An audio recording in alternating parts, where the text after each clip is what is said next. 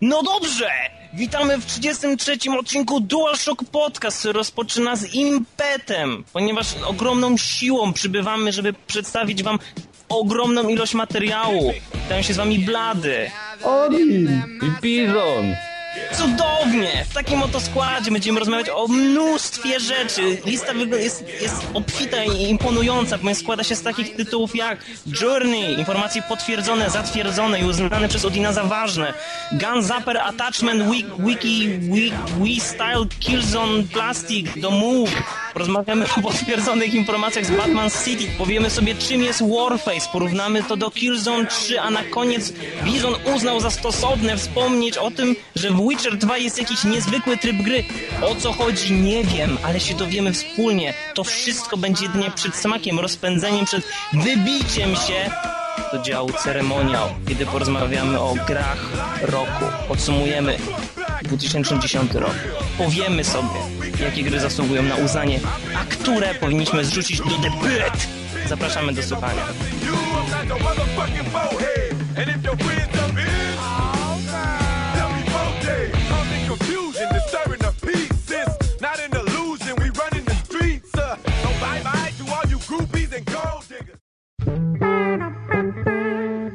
Odin! Wszedłeś w posiadanie informacji, którymi chcesz się podzielić odnośnie gry The Journey. W ostatnim podcaście mieliśmy okazję pogadać chwilę o The Journey i na ten moment akurat nie mogliśmy stwierdzić, czym tak naprawdę jest The Journey, bo liczba informacji w internecie była zbyt mała. Teraz jest akurat o tyle dobrze, że już dowiedzieliśmy się trochę więcej i The Journey wygląda całkiem ciekawie. Jest zbudowane na zmodyfikowanym silniku The Flower. Cały w ogóle image tej gry polega na eksploracji i wspólnym doświadczeniu z innymi graczami online. Nie jesteśmy pewni, jak będzie wyglądał trip, trip tryb single player e, oraz jak będzie wyglądał tryb multi, ale tego co się mówi, to wychodzi na to, że fabuła opierać będzie się na odkrywaniu pozostałości pozaginionej cywilizacji. I to, co właściwie w tej grze budzi bardzo duże zainteresowanie, to fakt, że postacie wewnątrz gry nie będą w stanie ze sobą się komunikować i jedyne, co będzie nam dane do dyspozycji, to system symboli, dzięki którym będziemy mogli wypracować sobie jakiś sposób porozumiewania się między jednym a drugim graczem, lecz będzie on bardzo ograniczony. E, I dlatego też twórcy mówią o grze, iż będzie ona takim jakby eksperymentem społecznym, gdyż wykaże na ile dwóch obcych graczy będzie w stanie sobie zaufać, zrozumieć się, ale i także współpracować.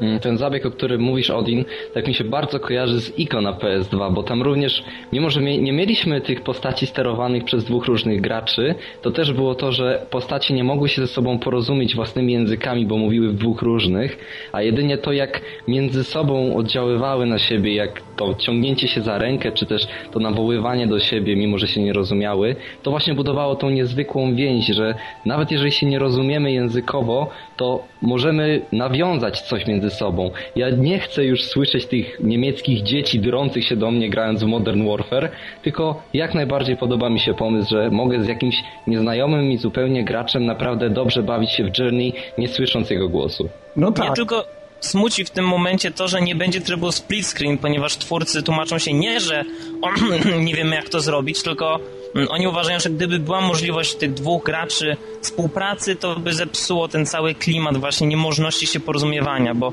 no, w miarę łatwo jest się porozumiewać z osobą, która siedzi obok nas. No Chyba, że jasne. jest niemiecki gracz, który przyjechał i starnął nam do mieszkania, no to... Ale nie, to jest przecież to jest logiczne, gdyby udostępnić Ale to byłby mój problem. Na przykład byłoby coś takiego, taka adnotacja, nie na pudełku, że uwaga, granie z kolegą nie będzie sprawiać ci przyjemności. w ogóle! Okej, stało się coś, czego my wszyscy mogliśmy się spodziewać. Wszyscy mówili, jak bardzo Move jest podobne do Wii i wszyscy też mówili, że już niedługo wyjdą te peryferale, które będą tam paletkami, karabinami i wszystkimi różnymi badziewiami, które nikomu nie będą potrzebne do grania, a będą tylko kawałkiem plastiku.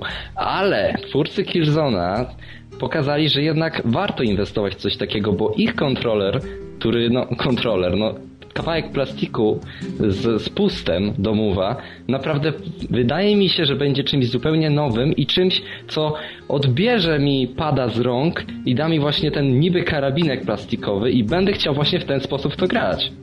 No Tak, on jest świetnie zaprojektowany i to, co w ogóle zwraca uwagę, to jego ergonomia. Mimo, że montujesz te pady na tym e, no, karabinie, który praktycznie wygląda jak ten kawałek plastiku, to mimo wszystko wszystkie te funkcje, które zwyczajnie posiadają pady, są dalej dla ciebie dostępne, więc to nie jest tak, że musisz poświęcić coś z racji tego, że montujesz sobie kontroler na, na karabinie. Nie, no, wszystko jest nadal dostępne i tak jak wtedy widzieliśmy ten trailer Bizon, to przecież ten karabin naprawdę bardzo ładnie działa i on nie ma czegoś takiego jak, nie wiem, jak jakieś głupie ograniczenia albo w ogóle niewygodna obsługa. On wygląda bardzo stabilnie, bardzo komfortowo i rzeczywiście, tak jak mówisz, myślę, że każdy, kto będzie w stanie go kupić, na pewno będzie chciał spróbować pograć we wszystkie możliwe FPS-y właśnie z użyciem tego sprzętu. Tylko nie wiem, czy tam nie było opóźnienia lekkiego, i czy ten ruch karabinem nie jest w pewien sposób w grze opóźniony co do ruchu naszego kontrolera, ale nie wiem, może, mi się być wydawało wina źle. move, a nie wina a nie wina kontrolera samego, ale w ogóle to jest ważne, że osoby, które mówią, to jest zwykły dodatek pierdolitka jak do Wii, nie, nie jest, ponieważ tutaj się przyłącza e, kontroler move przez specjalny port znajdujący się e, na spodzie tej Magic Wand, tej kulki i dzięki temu mamy właśnie ten osobno działający spust, osobno działające przyciski i tak dalej.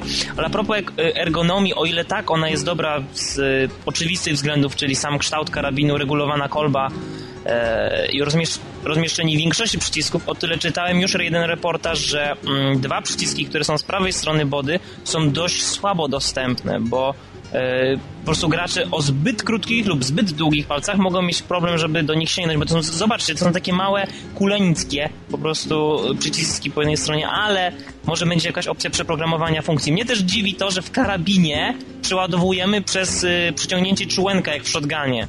To jest... E, nie, tak. To bardziej tak, chyba tak, tylko nie. i wyłącznie na potrzeby tej gry, wiesz, dlatego że tam głównie właśnie wszystkie akcje close combat wyglądają w ten sposób, że coś się robi, coś się do ciebie przyciąga, albo ty coś odpychasz, więc może po prostu chcieli zaakcentować ten klimat tego, że ty się musisz fizycznie angażować w to przeładowywanie. Ale ty Jak fizycznie najbardziej- ciągniesz czułenko jak w shotgunie, a twoja postać wyjmuje magazynek z gniazda i wkłada nowy. No. Ale to wygląda w taki sposób, że ty odchylasz też karabin w taki sposób, jak odchyla karabin postać z gry, więc to równie dobrze może też na tym polegać. I jeśli już jesteśmy właśnie w temacie Killzona, to e, wszyscy wiemy, już zapoznaliśmy się z tym, jak wyglądają niektóre powalenia z bliska. I co o tym myślicie? Dlatego, że to, które teraz zostało zaprezentowane, wygląda naprawdę fajnie. Mm, teraz tak, jak odbieramy to maili, takie typowe uderzenie z kolby, to tracimy też na tej dynamice, bo to teraz jest tak, że podbiegamy, robimy ten ruch mówem do przodu, czy tam padem wciskamy przycisk i włącza nam się ta animacja i ja myślę, że to o ile fajnie wygląda, o tyle spowalnia nam gameplay i tu mnie nieco to martwi, bo to jest fajne, to fajnie wygląda, ale czy my rzeczywiście tego potrzebujemy? Mnie na przykład to zdenerwowało trochę, bo w Killzone 2 mi się najbardziej podobała masa tej twojej postaci. To było coś, czego w większości gier nie było. Podkreślam, masa! Więc ja bym szczerze wolał, gdybyśmy tutaj mieli, o, realistycznie ragdoll działające uderzenie z bara, kop z, y, z glana w ten świecący się ryjec.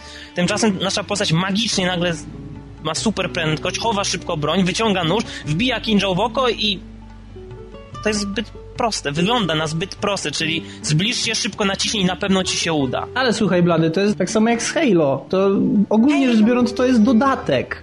To nie stosujesz tego na co dzień, to jest tylko i wyłącznie po to, żeby sobie popatrzeć w trakcie gry. Bo normalnie, kiedy będziesz starał się takie coś stosować, to wszyscy wiemy, jak to się kończy zwykle, że twoja postać staje na 2-3 sekundy i w międzyczasie e, dostaje, nie wiem, serię w plecy i pada. Na multi nie wątpię, ale na jest- singlu, gdzie mamy korytarz, którym idziemy, to jakim zaskoczeniem będą przeciwnicy, którzy nas, nas sflankowali od boku? Po prostu szybko naciśniesz R3 i spoko, nie musisz celować, stary, nie musisz strzelać, po prostu od razu go wy, wycinasz. Ale też I się wymagasz odpala od animacja, jak mu skręcasz kark. Ale tak, wymagasz od gry, która w ogóle nie stara się być realistyczna, realizmu. Yy, nie, nie wymagam tego bezpodstawnie, bo dwójka miała pozory tego realizmu w przyszłości. I Tu masz też ej, pozory. To, o czym wcześniej Bizon powiedział, że tam jest lekkie opóźnienie. Jeśli byście się dobrze przysłuchali, to w trailerze jest powiedziane, że to opóźnienie jest spowodowane tym, że twoja postać nosi ogromny, ciężki kombinezon. Dwa, będziesz w stanie to opóźnienie zlikwidować. Trzy, są specjalne perki, które w ogóle je wyeliminują. Na multi. Mm. E, Ja myślę, że nawet w single player będzie dość ciężko, jeśli staniesz sobie gdzieś na środku i będziesz starał się powalić jakiegoś gościa, wciskając mu kciuki w oczy, e, bo po prostu zginiesz. Więc Chociaż ja też myślę, zapomniałem o tym, że zazwyczaj tego typu prezentacje się odbywają przy niskich ustawieniach trudności, żeby móc jak najwięcej tych killi pokazać. No tak, a poza tym wiesz, tam też mm, między tymi e, konkretnymi killami, jeśli już tak używamy tego zwrotu, jest bardzo duża płynność. Ja widziałem parę pokazówek, gdzie postać po prostu przelatywała z jednej ściany do drugiej ściany, wbijała, nie wiem, nóż w gardło, potem znowuż łapała czyjś kark i skręcała go tak jednym płynnym ruchem, jednocześnie rzucając się za jakąś przeszkodę, więc to jest naprawdę fajnie zrealizowane. To głównie chodzi to o tą, o tą filmowość i myślę, że akurat Killzone ją świetnie realizuje. Batman! Będziemy rozmawiać o nowościach, ciekawostkach związanych z Batman Arkham City. I teraz na początek, co wiemy? Bardzo niewiele, ale wiemy rzeczy. To, co wiemy, jest fajne. I zrobiłem sobie listę rzeczy, które mm, mnie zaciekawiły podczas czytania e, ogromnego overview tej gry. I teraz już wiemy, czemu Arkham City, a nie po prostu Gotham. Ponieważ część Gotham została wydzielona na e, taki eksperymentalny eksperyment, który w ogóle nie jest inspirowany serialem Prison Break, a dokładnie trzecim sezonem. E, otóż wszyscy skazańcy są wyrzuceni po prostu na ulicę miasta, otoczone murem, nim i po prostu jest jedna zasada. Nie próbujcie uciekać, a radzicie sobie sami. No i Batman właśnie sprawuje pieczę nad tym eksperymentem, e, eksperymentem, gdzie właśnie na ulicach są zwy, zwykle jacyś obłąkańcy, gdzie są przestępcy, gdzie są ci super villains i wkracza do akcji w momencie, kiedy zagrożone zostaje życie Catwoman, która ma być zabita przez Two-Face'a, tak przynajmniej z opisów wynika początek gry wygląda. Dziwne zdanie. Niemniej, teraz kontrolę nad Arkham przejął Hugo Strange, który po prostu wyperswadował nad burmistrzem ten, ten eksperyment, a Batman wiedząc, że to jest po prostu tykająca bomba, e, wiedział, że jeżeli nie wkroczy do akcji, no to ci ludzie na pewno w końcu uciekną z tego Arkham City i ruszą na ulicę Gotham. No okej, zgadzam się, ale mimo wszystko jest mi ciężko zaakceptować, że taka postać jak Batman, taki bohater, zgodził się akurat na coś takiego, wcześniej nie chciał reagować, dlatego że prędzej czy później coś takiego musi się skończyć źle i wydaje mi się, że on jako postać, która mimo wszystko bardzo dużej e, części swojego życia planuje naprzód, e, to prawdopodobnie przewidziałby coś takiego i starał się temu zapobiec. No ale No okej. ale też wydarzenia się dzieją rok po zakończeniu Arkham Asylum, więc może będzie jakieś wytłumaczenie, że nie był w śpiączce! A, a właśnie, a pro, jeszcze będąc przy śpiączce, bo to pojawił się problem, co ze wszystkimi gadżetami i umiejętnościami. E, bo na Byłeś w przykład śpiączce! y, to jest oklepany schemat, nie? W grach, że odtwórzmy twoją twarz i zapominasz wszystko. Tutaj, co ciekawe, nie odbiorą nam wszystkich gadżetów, po prostu będą one na starcie nam dostępne, tylko będziemy je upgrade'ować na przestrzeni gry. Bizon, jak się zapatrujesz na tą rewelację? Jestem jak najbardziej za, tym bardziej, że zazwyczaj takie właśnie odbieranie nam gadżetów zupełnie psuło nam grę. Teraz mamy sequel, tylko czy jak my wskoczymy z tymi gadżetami, które będziemy mieć upgrade'owalne tylko, czy my będziemy mieć jeszcze dodatkowe gadżety do tego? Masz tam opis? Musimy. To Musi- nie. musi. No bo Już, tego, jest, już wiem o jednym. No właśnie, E, no. To jest ten radio podsłuchiwacz Jammer, który jest o tyle ciekawy, że twórcy powiedzieli, opcjonalne dla graczy będzie właśnie nasłuchiwanie różnych stacji radiowych w grze. Powróci Jack Ryder, czyli ten pół dziennikarz, pół e, superbohater z realiów Gotham. Będziemy mogli nasłuchiwać policyjnych e, komunikatów, będziemy mogli nasłuchiwać wskazówek Riddlera, bo tak Riddler powróci i zagadki będą bardziej skomplikowane, rozciągające się na przestrzeni kilku plansz, a nie już jedynie po prostu znalezienia znaku zapytania. Aleluja! Będą przesłuchania na wrogach, właśnie w form, właśnie jest powiedziane, że przesłuchania zastąpią te mapy Riddlera, że oni po prostu podczas przesłuchań będą wyjawiać miejsca tam, gdzie różne rzeczy są ukryte. Wie, Nie. wiesz co mi się ciśnie na usta? Where is my daughter? i tak dalej. Nie, E, bo teraz ptaszki mi jeszcze ćwierkały, blady, takie ptaszki przedpodcastowe ćwierkały mi, że nawet stare gadżety po tym kompletnym upgrade'zie będą dostawały nowe zupełnie właściwości. Będziemy mogli ich, na przykład te gadżety, jak y, niektóre wykorzystywaliśmy tylko i wyłącznie poza walką, teraz będą włączone także w walkę, jak na przykład ten żel wybuchający, tak? A, czyli ci ptaszki wyćwierkały tą właśnie historię, kiedy podczas tego przerzutu nad plecami przeciwników, który był znany w jedynce, czyli już jeden motyw z jedynki, połączeniu z drugim motywem z jedynki, czyli z żelem, połączymy przeskakiwanie podczas smarowania kogoś żelem. Tak, Mm. tak mi, tak. I tak najbardziej kikasową funkcją jest smarowanie żelem sobie ręki i potem wiesz, jeden wielki szczękę, to jest coś pięknego. A właśnie, a propos powrotów z jedynki, to tak powraca Harley Quinn, teraz w zupełnie innym designie. Yy, powracać będzie Joker, teraz schorowany, ale nadal Mark Hamilowy, więc dzięki Bogu. Yy, I ogólnie można by odnieść wrażenie, można by, że to jest po prostu Arkham 1,5 i można by powiedzieć, że my też tak mówiliśmy na podstawie screenu. Myliliśmy się. Ponieważ, no, jeżeli wierzyć ekipie Rocksteady, to oni po prostu wzięli to, co było dobre, sobie zdaję sprawę, że to jest dobre, i postanowili wykorzystać to do stworzenia takiego skoku, oni to porównują, że skok pomiędzy Arkham Asylum a Arkham City będzie taki, jaki był pomiędzy niczym a Arkham Asylum, no a niczym. Oni chcą, żeby to miało sens, żeby to miało substancję, żeby ta e, droga, którą się Batman będzie poruszał, coś przekazywała sobą. I to mnie trochę uspokaja. Teraz temat, który zmierził Odina, kiedy się zbliżył, mianowicie Warface. Coś mi nie gra w nim. Odin, potrafisz wskazać to niegranie? Wiesz co, jakby nie patrzeć, to wydaje mi się, że to jest ciekawy tytuł. Mm, Jeśli e, studio włoży w niego wystarczającą ilość pracy, to będzie dobry. Na ten moment, co jest z nim nie tak? No, myślę, że nic nie jest z nim nie tak. No, jest typowo FPS-owy, zwyczajnie się strzela, wygląda na bardzo dynamiczny shooter. I to tyle. No ale to chyba oni wiedzą co robią, bo tak jak były te pierwsze zapowiedzi, że to jest gra przeznaczona na rynek koreański, to może właśnie chodziło o tą dynamikę, bo o ile ludzie grający w Modern Warfare, ci, którzy na przykład tak jak ja chcieliby w to grać tak bardziej taktycznie, się zawodzą na tym, no bo no nie tak sobie to wyobrażaliśmy, o tyle. Warf o tyle właśnie Warface chyba jest zrobiony w ten sposób, że on mówi prosto, ja jestem tym dynamicznym shooterem dla Koreańców i spełniam swoje zadanie, bo nawet ta prealfa wygląda bardzo obiecująco, dynamicznie i nie wiem, mi się to kojarzy po wyglądzie najbardziej z magiem, tylko takim magiem bardziej dynamicznym, no i chyba na mniej graczy, bo nie wiem, zostały jakieś informacje powiedziane, ile będzie tam graczy w tej grze? Chyba jeszcze nie. Ale żeby chociaż dodać jakiś pozór fabuły do tych e, pojedynków. Powiecie, jak to, czemu? Ale na przykład w Killzone wprowadzają coś takiego, że są tryby multiplayer, które są story-driven. Mhm, że oni ukradli nam flagę, musimy ją odzyskać. Nie, bo to, to, to fajna flaga była, ale wiesz, jakieś zadania w stylu najprostszym, zdobądź klucz tu, otwórz drzwi te i oni bronią na kolejnych etapach, to by wystarczyło, żeby odsunąć się od tych lat 90. gier FPS. myślisz zbyt ambitnie, to jest piękne. Ale właśnie teraz się ugryzłem w język, bo przecież to Koreańczycy. Ale nie, ogólnie myślisz zbyt ambitnie, to jest piękne co ty mówisz, ja też bym chciał to zobaczyć, naprawdę i to jest typowo, to jest tak prosty scenariusz, który na wszystkich grach paintballowych funkcjonuje, na jakichkolwiek strzelankach, na których Blady zaistniał również, ale to jest jednocześnie ambitne myślenie, a e, zauważyłem chyba, że w przypadku FPS-ów to ambitne myślenie jest e, bardzo ryzykowne, dlatego że czasami się po prostu nie sprawdza, bo ludzie go nie chcą. Aha, dobra, no to Witcher drugi ostatnio gości dość często w naszych newsach i również dziś za- zagości w naszych newsach z nową, niezbyt dużą, ale jednak dość znaczącą informacją.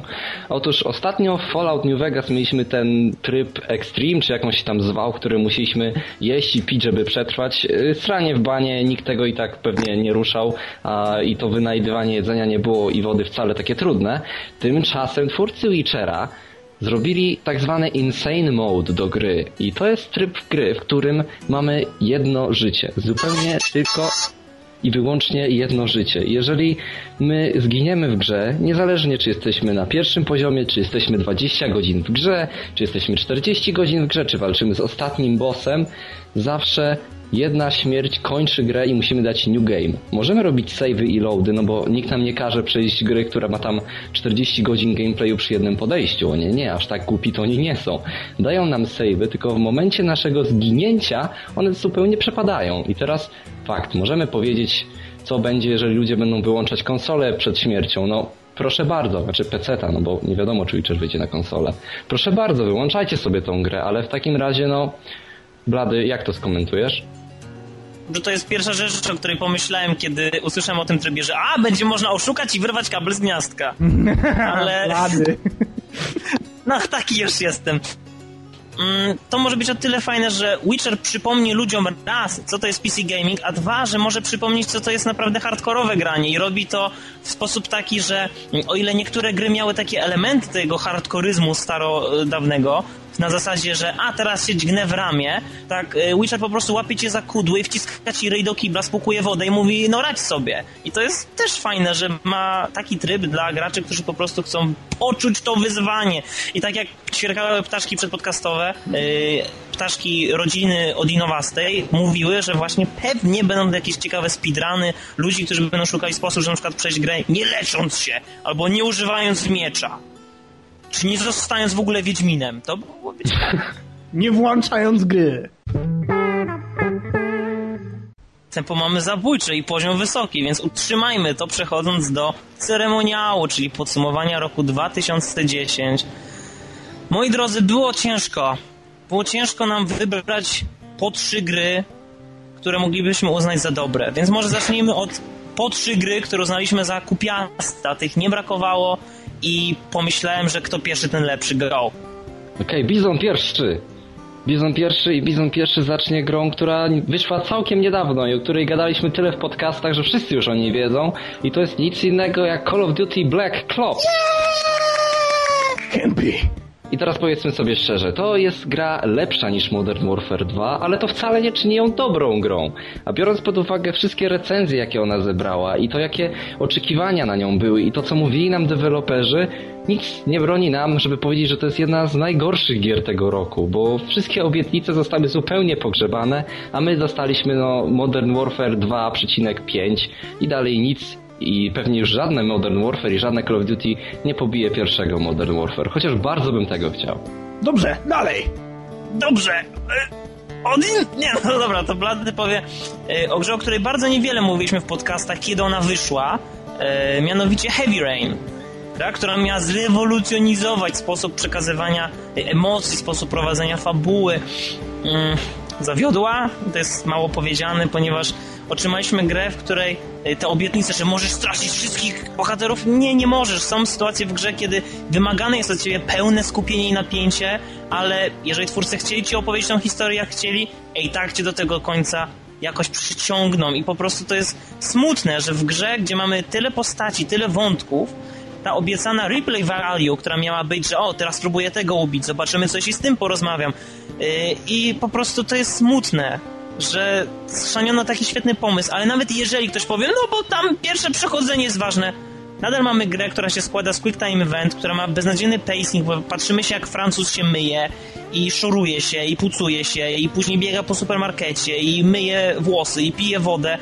Za dużo tego jest, bo o ile to jeszcze były fajne przerwniki w Fahrenheitie, o tyle tutaj one stanowią naprawdę gro gameplayu, a samego detektywowania, rozmawiania jest za mało i dlatego gra dostaje ode mnie oficjalną naklejkę Kinect. Okej. Pierwsza gra, która była porażką tego roku na mojej liście to jest Final Fantasy XIII, czy też może nawet i XIV. W sumie nie ma różnicy, dlatego że od wersji 9 ta seria praktycznie już przestała się rozwijać, a zaczęła inwestować w czysty marketing, w promocji oraz w przekazie wewnątrz gry. E, ogólnie rzecz biorąc, jeśli chcielibyśmy powiedzieć coś o Final Fantasy XIII, to wystarczy powiedzieć, że cała fabuła opiera się o konflikt władz utopijnego miasta Kakun z rebeliantami z planety Puls. Czy to wystarczy? Wydaje mi się, że wystarczy. Wydaje mi się, że rewelacyjnie opisuje tą grę. Ale przecież to jest najbardziej epicki setting, jaki w życiu słyszałem. Prawda? I wiesz, jedna płytka Blu-ray została wypełniona treścią po brzegi i kiedy tak przyjrzymy się bliżej, to tej treści tam nie ma. Kolejna gra, która wyszła całkiem niedawno, jeszcze bardziej niedawno niż Black Ops, czyli Gran Turismo 5. I o ile nie możemy powiedzieć, że to jest kompletny klops, kompletny zawód na całej linii, nikt to nie będzie grał i w ogóle nie czekaliśmy na coś zupełnie innego. O tyle jest tak, Gran Turismo 5 wychodzi i te obieca obiecane nam auta, piękne, wspaniałe, które oglądaliśmy na trailerach, to tak, to jest tylko to 200 aut. Reszta to są auta z GT4. I model jazdy, który ja znam od podszewki, no bo no cóż, grałem full czasu na PlayStation 2 w GT4 i ja patrzę na te filmiki i ja to znam. Ja wiem jak to działa, widzę te stłuczki, widzę te zupełnie nic nie robiące się między sobą auta, kiedy zderzają się ze sobą przy 120 na godzinę. I zastanawiam się, co oni robili 6 lat. Czy robili, nie wiem, to 200 aut, dopracowywali, wszystkie, równali wszystkie te piksele? Nie mam pojęcia, co oni tyle czasu robili. I właśnie przez to uważam, że GT5 jest jak najbardziej porażką. Bo takie gry jak Gran Turismo 5 robi się w ciągu, no, dwóch, maksymalnie trzech lat i nie okłamuje się ludzi, nie mówi się im wprost w oczy, że to będzie nie wiadomo co, nowa jakość. Tak jak mieliśmy, nie wiem, przeskok z PSX-a do PS2, bo o to mi chodziło. Mieliśmy ten przeskok z PSX do PS2 i mieliśmy zupełnie nowe Gran Turismo, które miało zupełnie nowe funkcje i wyglądało wow, nie wiadomo jak. A tymczasem Gran Turismo 5 jest, no cóż, Gran Turismo 4 w HD. No i to tyle, co mogę powiedzieć o tej grze. I o ile ja z bratem bardzo oczekiwaliśmy na Gran Turismo 5 i mówiliśmy sobie, to będzie ta gra, dla której ja kupię PlayStation 3. Wydam to 1000 zł, wydam ileś tam set nawet na kierownicę, żeby w to pograć. O tyle po pierwszych recenzjach i po tych wszystkich pierwszych kontaktach, ja powiem sobie szczerze, że zupełnie nie jestem już zainteresowany Gran Turismo 5. A niepotrzebnie, bo ty nie wiesz, że teraz ten twórca, ten Yamaka Rikachi, y, on chce, żeby co miesiąc wychodziły no, kolejne patche do tej gry, on chce, żeby... y, Ale więcej blady, on chciał, żeby w ogóle zwrócić wszystkie egzemplarze GT5 do sklepów. Tak, bo on chciał poprawić cień na, jednym, na jednej trasie i wycofać egzemplarze. Nie, ale mówiąc poważnie, on chce co miesiąc robić aktualizację, on obiecuje, że doda, dodane zostaną premium kary, on obiecuje, że te już istniejące samochody w grze otrzymają ten premium lift up i niektórzy sobie żartują, że do czasu wyjścia GT6 to już wszystkie te tysiąc samochodów będzie... e, Blady, ja mam w dupie, co oni sobie planują teraz patchować. Dostałem grę, którą oni robili 6 lat. Jest na płycie Blu-ray, kosztuje 200 coś złotych i ja chcę już teraz ten produkt, now, działający, z pięknymi autami, z zajebistym modelem jazdy, bo tak to właśnie trzeba robić w tych czasach. Ja nie płacę 220 zł za grę, na którą mam czekać na jakieś patche. Kiedyś było tak, że gra wychodziła na konsolę, nie było zupełnie połączenia z internetem, dostawałeś zajebistą grę na PS2, tak jak Gran Turismo 4 i się nią cieszyłeś, bo była piękna, miała fajny model jazdy, wszystkie pieniądze, które na nią wydałeś, wiadomo było, że one ta gra zasłużyła na te pieniądze. A teraz ja mam płacić 220 zł i czekać, żeby co miesiąc jakiś Japończyk wypuszczał mi patcha? No przepraszam. Ale wiesz jak to jest? Wiesz jak to jest? To chodzi mniej więcej o to, że GT5 miał być takim długo dojrzewającym winem, takim pięknym, z delikatnym zapachem, aromatem, bukietem i kiedy już było gotowe, ktoś wyciągnął je z tego stojaka i szedł już je pokazać, zaprezentować światu i ono w tym momencie się wylało i trzeba było je zbierać z podłogi i tak trafiło do ludzi. Red Dead Redemption. Ktoś powie, blady, pomyliłeś się, gry roku będą dopiero za chwilę. Nie, nie pomyliłem się. Nienawidzę tej gry, po prostu cierpię widząc ją. Wszystkie po prostu, już dawno moje y, zaropniałe rany otwierają się na nowo, kiedy wspominam ten wyżyk gry, ten, ten pozór otwartości, ten, tą beznadziejność, którą prezentowała sobą ta gra, ten, tą sztywność głównego bohatera, tą brak spójności pomiędzy gameplayem a historią, którą opowiadała. Red Dead Redemption nie jest grą roku. Naprawdę, nie dajcie sobie wmówić przez wszystkie media, które się wzajemnie napędzają w nazywaniu tego największym geniuszem świata. To jest daleko idący spisek mający na celu podniesienie Rockstar, które już było tak głęboko w długach, że nie widziało światła, a teraz Red Dead pozwoliło im się jakoś wyczołgać na powierzchnię i dać nam szansę, że pojawi się kolejny GTA. Ale powiem wam co wiem. Naprawdę, dawno nie było tak, że y, przekreśliłem grę niemal na starcie. Bo za- zazwyczaj staram się nie dać szansy, ale Red Dead odrzucił mnie przestarzałością sterowania, debilnością tego, jak jest skonstruowany świat, jak bardzo oni chcieli zrobić z tego GTA na koniu. I możecie sobie mówić, że fabuła jest wyjątkowa i tak dalej, że co, świetnie zagrana. Tak, dobrze, ale to się paskudnie gra. Naprawdę. Bo masz albo auto-aim, który y, ci nie pozwala czerpać jakiejkolwiek przyjemności z walki i w ciągu 3 sekund masz 5 headshotów pod rząd, albo wyłączasz auto-aima i żaden lew górski yy, nie może być przez ciebie zabity, będzie skakał, fruwał i zjecie 5 razy zanim zdążysz przeładować strzelbę. To jest naprawdę niedopracowana gra. Ja nie odmawiam jej klimatu, nie odmawiam jej grafiki w niektórych miejscach, ale to, jak bardzo odrzuca od siebie archaicznością niektórych rozwiązań jest nie do wybaczenia, oczekuję patchu I tak naprawdę ten samodzielny dodatek, który możecie kupić z tym trybem zombie, naprawdę się wydaje być według mnie lepszym zakupem niż podstawowa gra. Bo zombie są fajne, zaczynam je lubić pomału. No. Dobrze, więc teraz New Vegas. E, przykład gry, która praktycznie nie zrobiła nic, tylko skopiowała to, co zrobiła wcześniejsza odsłona, czyli Fallout 3. I czy coś trzeba dodawać? Ja chcę dodać, ja chcę dodać, mój drogi, ponieważ wśród tych wszystkich rzeczy, które teraz mógłbyś powiedzieć, ale pewnie nie powiesz, bo jesteś tak zniszczony już przez tą grę i ja pamiętam twoje reakcje, kiedy to odpaliłeś.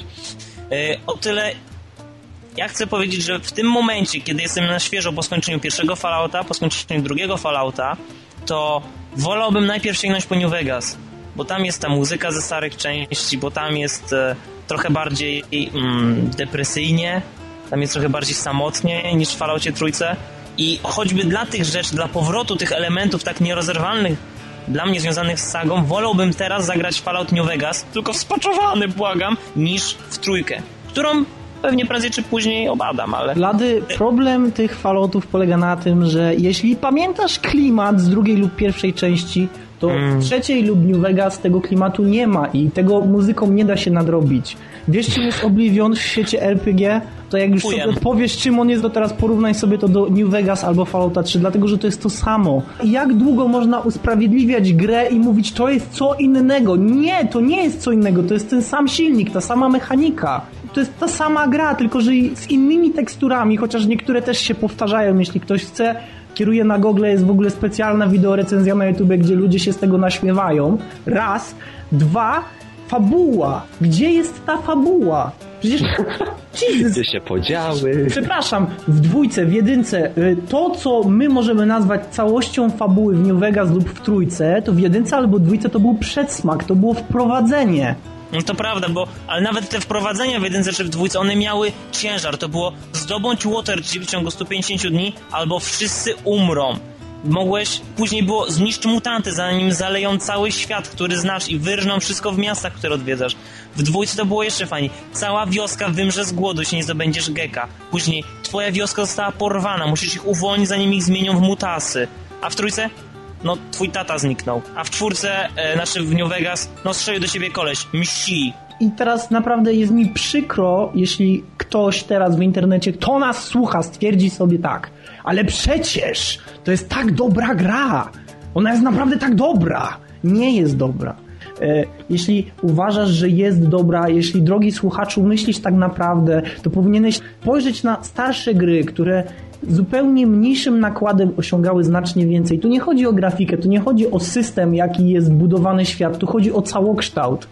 Ta gra miała wady, jedynka i dwójka, ale jednocześnie była lepsza. Ja śmiem powiedzieć, że Tactics był bardziej wciągającą grą niż New Vegas albo trójka. To jest temat sporny, ale mimo wszystko ja ją umieszczam na swojej liście gier, które mnie najbardziej zawiodły. Miałem głęboką nadzieję, bo to nie jest tak, że jestem antyfanem tej serii. Miałem głęboką nadzieję, że Fallout New Vegas będzie czymś, co się oderwie, ale nie oderwało się. I dalej pozostało na dnie razem z Falloutem trójką, który ściągnął całą tą serię w dół i po prostu zrobił to w tak brutalny i w tak oczywisty sposób, że przykro mi było patrzeć na te wszystkie nagrody, które były Falloutowi przyznawane. I teraz Bizon grał w Fallouta trójkę i na samym początku mówił, że ta gra mu się podoba. Po jakimś czasie zmienił zdanie, tak jak każdy gracz, który wcześniej miał kontakt z Falloutem dwójką albo jedynką. Dlatego, że po jakimś czasie to zdanie się zmienia, tak jak Fallout 2 powoduje, że twoje zdanie coraz bardziej urasta do tego geniuszu gier, które powinny powstawać, tak Fallout 3 na samym początku pokazuje ci ten ładnie zaprojektowany świat i potem nie pokazuje ci nic więcej. Jest po prostu przykro. Okej, była sobie kiedyś taka seria gier, którą wszyscy bardzo poważali, która się zaczęła rozwijać w trochę dziwnym kierunku wraz z częścią e, Double Agent. I zwała się ona Splinter Cell, ale w momencie wyjścia Conviction ta gra zmieniła się na tyle, że niektórzy powiedzieli sobie, dobra, ja dziękuję, inni powiedzieli sobie, okej, może w końcu spróbuję, a inni powiedzieli, no cóż, może następna część będzie lepsza. I ja właśnie do tej trzeciej grupy się zaliczam, bo Conviction nie było grą całkowicie złą. Ten przeskok do zupełnie nowego gameplayu nie był całkowicie zły. Tylko był tak niedopracowany i zmieniał tą grę w tak dziwaczny i dziecinny sposób, bo ona się stała nagle bardzo łatwa i to skradanie samo w sobie nie było już takim kluczem do zwycięstwa w tej grze, bo tak naprawdę ja w Conviction najwięcej z sytuacji rozwiązywałem w ten sposób, że właśnie robiłem raban i korzystając z tego rabanu eliminowałem wrogów. Conviction na wielu poziomach miało być wspaniałe i to wszystkie obietnice, że sam będzie like a panther, to wszystko w tej grze jest. On jest like a panther i on robi różne dziwne wigibasy, ale patrząc na to jak na Splinter Cella, na to co kontynuuje to co było wspaniałe w Chaos Theory, no to ten single, bo o multiplayerze ja się nie wypowiadam, no bo niestety nie dane mi było pograć z kumplem, bo nie mogliśmy się połączyć, ale sam single w Conviction pokazuje, że jest w tym pe- pewien potencjał i można by było zrobić z tego coś więcej, ale koniec końców ta gra okazała się wielkim zawodem dla wszystkich mocnych, takich typowych, twardych fanów Splinter Cella, a ci, którzy chcieli sobie spróbować tej gry kiedyś, no mogą być z tego zadowoleni, ale niestety no my, jako DualShock Podcast, nie byliśmy i nadal nie jesteśmy. To nie jest bardzo zła gra i ona Nie, sama nie. w sobie dla kupna, dla takiego zwykłego gracza, który chce się poskradać bardziej dynamicznie, troszkę postrzelać, jak najbardziej. Ja czerpałem masę przyjemności na przykład z Deniable Ops, gdzie po prostu rzucali mi na arenę i sobie eliminowałem tych wrogów. Ale dla hardkorowych fanów Splinter Cella to niestety powinien być zawód. Jest. Okej. Mówiliśmy już o Witcherze w tym podcaście. Jednak e, CD Projekt nie jest jedynym studiem polskim, które tworzy gry ogromnego kalibru, gry najwyższej próby. Ponieważ musimy pamiętać, że w tym roku wyszła niezwykle doskonała gra, jaką jest Sniper Ghost Warrior. Arcydzieło, jeśli chodzi o sztukę walki na dalekie odległości. Mistrzostwo, jeśli chodzi o fizykę świata. Perła grafiki. Istny Titanic, jeżeli chodzi o udźwiękowienie. Zielone I- płuca gamingu po prostu. Ale nie, słuchajcie, właśnie teraz mam informację ze studia, że wcale tak nie było, że ta gra jest beznadziejna. Co, zgadzacie się, że Jak Sniper to? Ghost Warrior był beznadziejny, że, że, że był tragiczny i właściwie ośmieszył nas w oczach y, żurnalistycznego growego świata? Ej, ej, ej, ej. Doszedłem do piątego poziomu. E, był. Nie, jak na grę, która chciała być uber sniper i skradaj się i sniki, to, że nie możesz zniknąć w krzakach i wrogowie zawsze wiedzą, gdzie jesteś, to, że masz pomoc przy celowaniu, jeżeli grasz na jakimkolwiek innym poziomie niż OMG, jestem hardcorem i zginę, yy, to było naprawdę bardzo złe, że tak powiem, decyzje, które podjęli oni już na bardzo wczesnym etapie produkcji. Można mówić, bo oni nie mieli pieniążków, bo oni nie mieli czasu. No to nie wypuszczaj gry, naprawdę. Ale nie, to jest śmieszne, bo zawsze ci zachodni deweloperzy nam tak mydlą oczy, pokazują nam te trailery i my siedzimy i mówimy, tak, znowu ci faceci z zachodu chcą nas okłamać. Tymczasem tutaj jest gra polska i wychodzą te trailery i nagle gracze z zachodu mówią, ja, ale to będzie zajebiste, już, preorder tego, tamtego, nagle, nie, Polacy was oszukali, to jednak jest gówno. No, przynajmniej sobie wyrobiliśmy opinię, nie? Jeszcze ten jeden Witcher, jako ta, ta, ta ostoja jeszcze polskości po prostu na wygnaniu.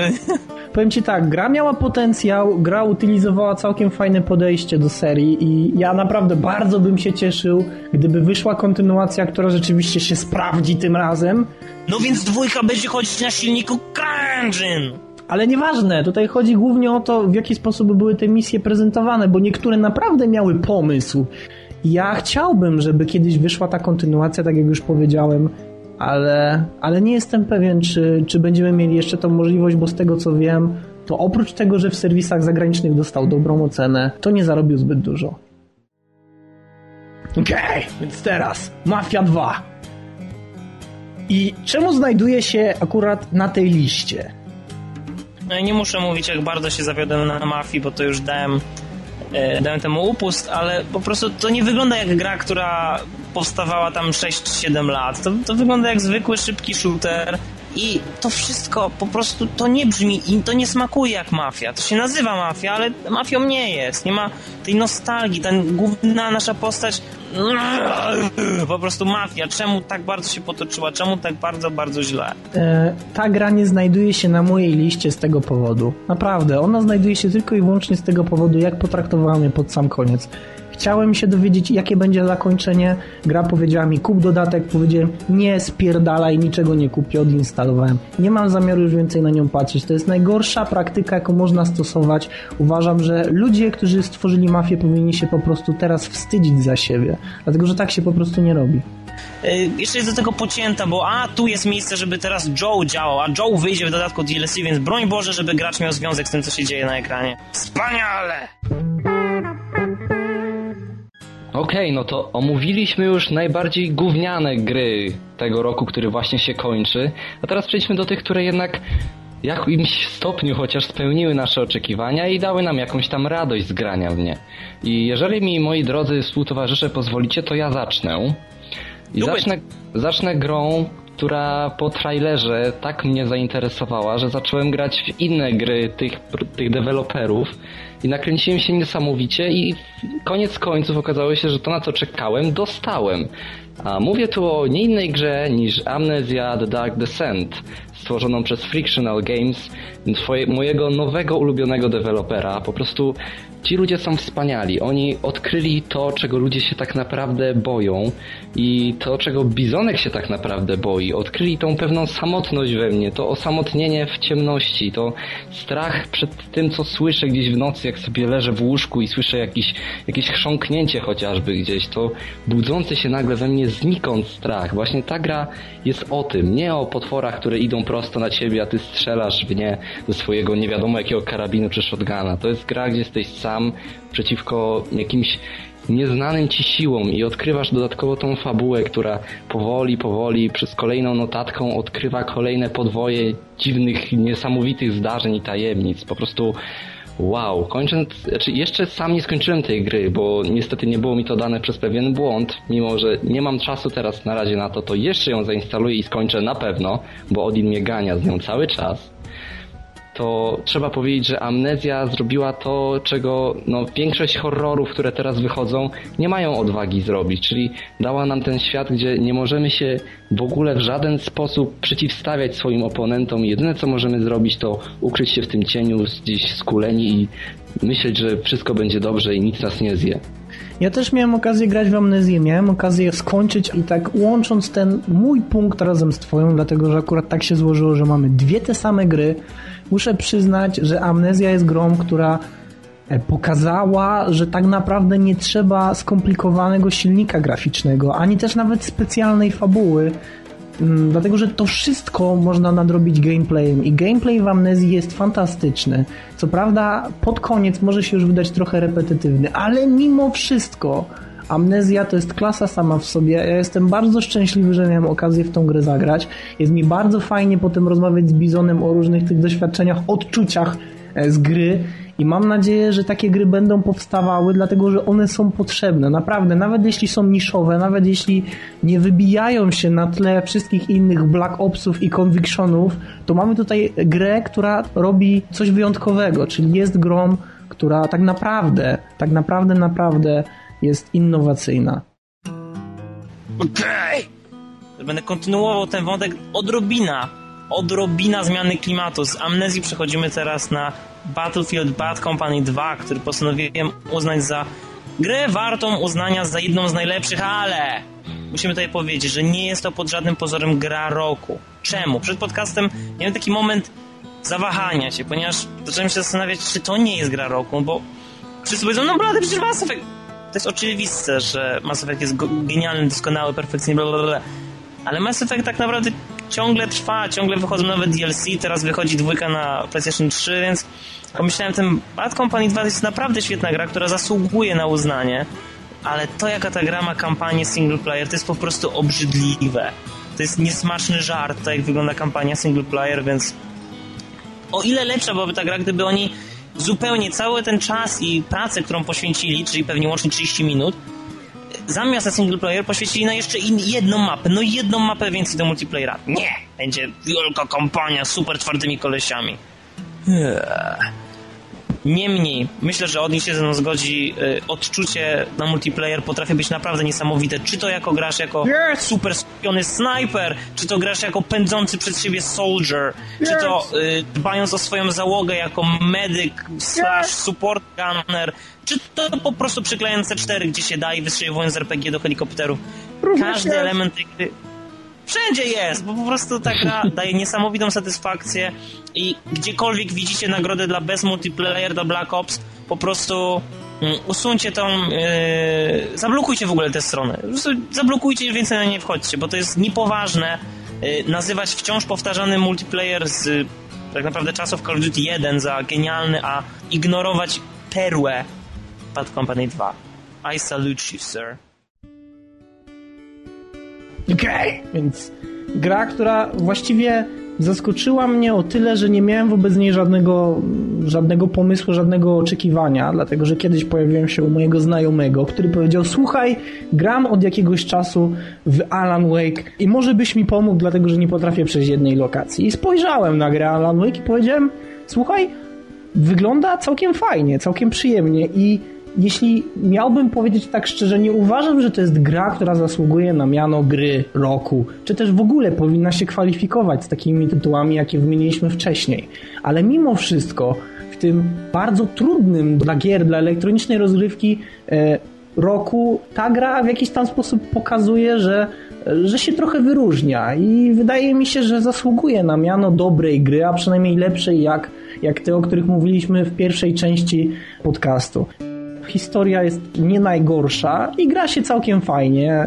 Nie stawia zbyt dużych wymagań użytkownikowi, więc tak na dobrą sprawę można po prostu przysiąść, pograć, pocieszyć się, popatrzeć i jakichś specjalnych minusów ja w niej nie znajduję, więc wydaje mi się, że zasługuje na pozycję na tej liście, tym bardziej, że miałem ogromny problem znaleźć coś innego na jej miejsce, no więc takim oto sposobem znalazła się na miejscu drugim.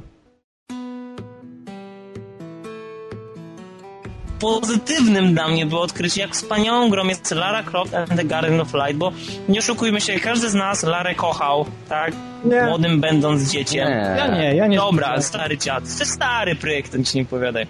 Ale yy, widzieć, jak beznadziejne są te gry z perspektywy czasu, jak każda kolejna część była po prostu już niszczeniem tego i tak już zeszmaconego wizerunku Lary, tak Lara Croft and the Guardian of Light, która jest moją grą tutaj na liście mm, wycenioną, wyróżnioną, jest naprawdę świetną produkcją, która tak wiele zyskuje, kiedy gramy z kolegą, która naprawdę przypomina, co to jest action adventure, kiedy czy to uciekamy przed gigantyczną kulą, czy to rozwiązujemy proste, ale dające wiele satysfakcji zagadki, czy to z granatnika strzelając do ogromnego dinozaura, który nas goi, no kurwa dinozaur tam jest! No przecież to jest genialne.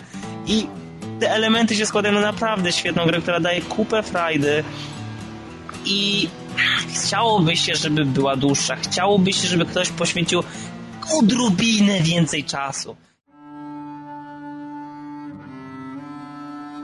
Okej, przechodzimy do ostatniej gry, którą ja wyróżniam i czasem jest tak, że nie potrzebujemy nowego IP, nie potrzebujemy zupełnie nowej gry, żeby coś było dobre i spełniało oczekiwania, jakie pokładamy, tak? I właśnie takim tytułem dla mnie jest God of War 3. On nie robi nic specjalnie nowego, on przynosi nam God of War w wersji no HD, dodaje nam piękną grafikę, ogromną skalę, nie widzianą jeszcze do tej pory w serii, choć naprawdę trudno prześcignąć niektóre widoki, które widzieliśmy już nawet na PS2 w God of War 2 i nie robi wiele nowych rzeczy, dodaje małe nowe elementy, ale to jest wystarczająco, by dawać graczom naprawdę sporo frajdy z tego, co Kratos może wyczyniać. I kolejne takie przedłużania serii, bo my już teraz wiemy, że no, Kratos będzie w Mortal Kombat jako dodatkowa postać, będziemy mieć, no znaczy mamy już teraz dwie gry na PSP z Kratosem, niech sobie ludzie robią co chcą, ale Sony Santa Monica robiąc kolejne części God of War, teraz już kończąc kolejnie całkowicie tą serię Kratosa, bo oni mówią, że nie skończy się jeszcze God of War, to jeszcze nie jest koniec przygód, y, przygód w, tej, no, w tych realiach, o tyle jest to koniec przygód Kratosa, więc myślę, że Santa Monica teraz skończyło już zupełnie z Kratosem I jeżeli wyjdzie God of War 4, to będzie gra zupełnie nowa, z nowym gameplayem i wtedy będziemy mieć rewolucję. A God of War 3 jest tym sequelem, który powstał, jest dobry, rozwija to, co było wspaniałe w dwójce i no cóż, jeżeli ktoś ma PS3, to to jest pewny zakup. Okej, więc kolejna gra na mojej liście dobrych gier tego roku, czyli Silent Hill Shattered Memories.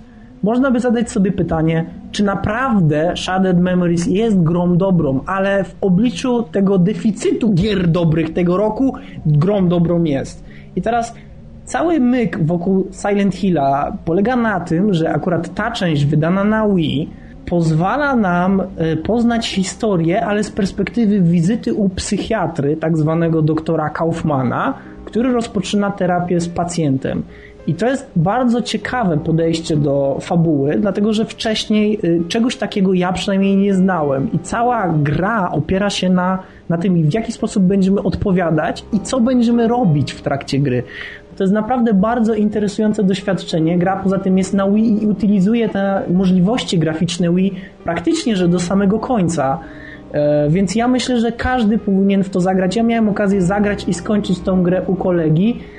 I to jest naprawdę bardzo, bardzo interesująca gra. Szczególnie z tego powodu, że po raz kolejny, tak jak w przypadku amnezji, tak i tutaj nie jesteśmy w stanie walczyć z przeciwnikami, dlatego też cały ten klimat osaczenia jest znacznie bardziej odczuwalny, co tym bardziej dodaje tej grze uroku i powoduje, że chce się w nią grać.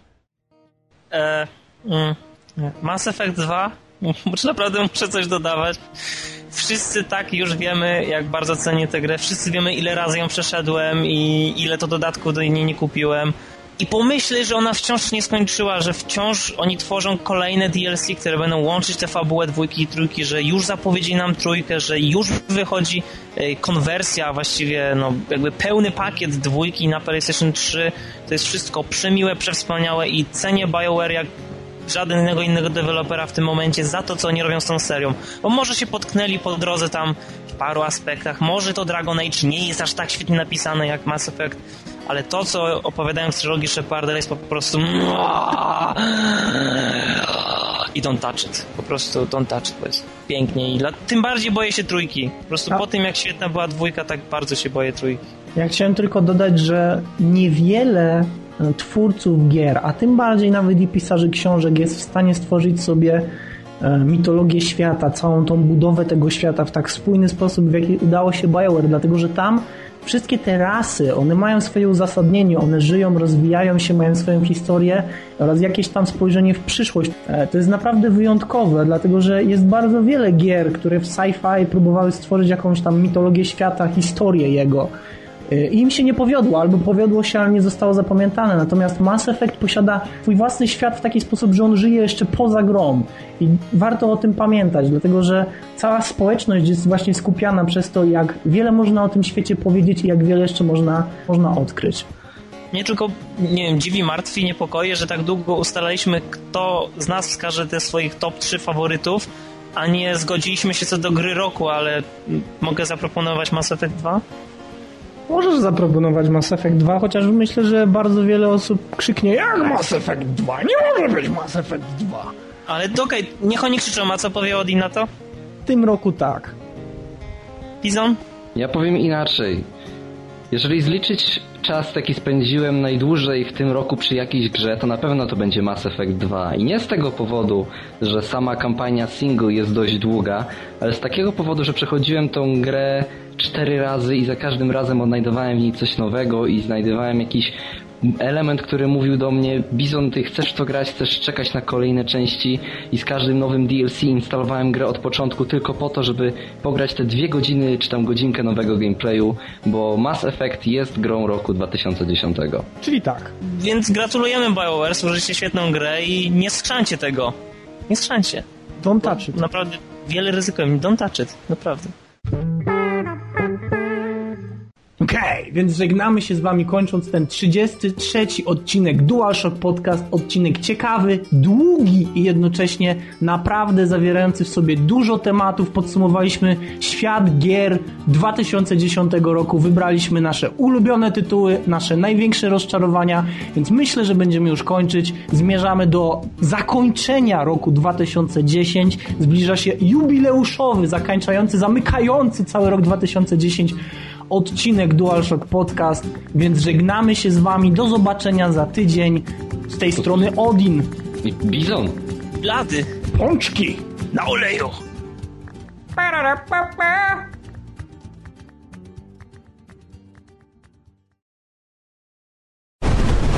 To ruszamy. Straciliśmy Bizona, kontynuuj. Tak? Bizona straciliśmy? Tak. Nie no, ale ja tu nie wyedytuję, bo spać takie... Nie mam. No to zacznij... Nie masz? Dobrze. Nie mam, nie? Pyrkoczysz. Pyrkoczesz strasznie. Kurwa. O, naprawiłeś się. Dobra. Teraz? No. Tak, działa, wszystko dobrze. Go, go, go. Kurwa, go. Two seconds, go. Okej, więc... Go, Joe, go. Go. Okej. Przechodzimy do ostatniej gierki Bizona, którą on sobie wyróżnił. I... Mam osiem. Pierdolę, myślałem, że on wyjdzie. Mów, mów, mów, mów. Okej. Okej, na tej generacji konsol bardzo za- rzadko zda... Kurwa. Okej, okej. Okej. Niko! Okej. Cousin, you want to go Ona go boli. Okej. Ah! Bizon, cię, cię trzeba podszkolić z tymi jękami, bo to musisz, musisz się trzymać rodziny, rozumiesz? Pa, pa, pa.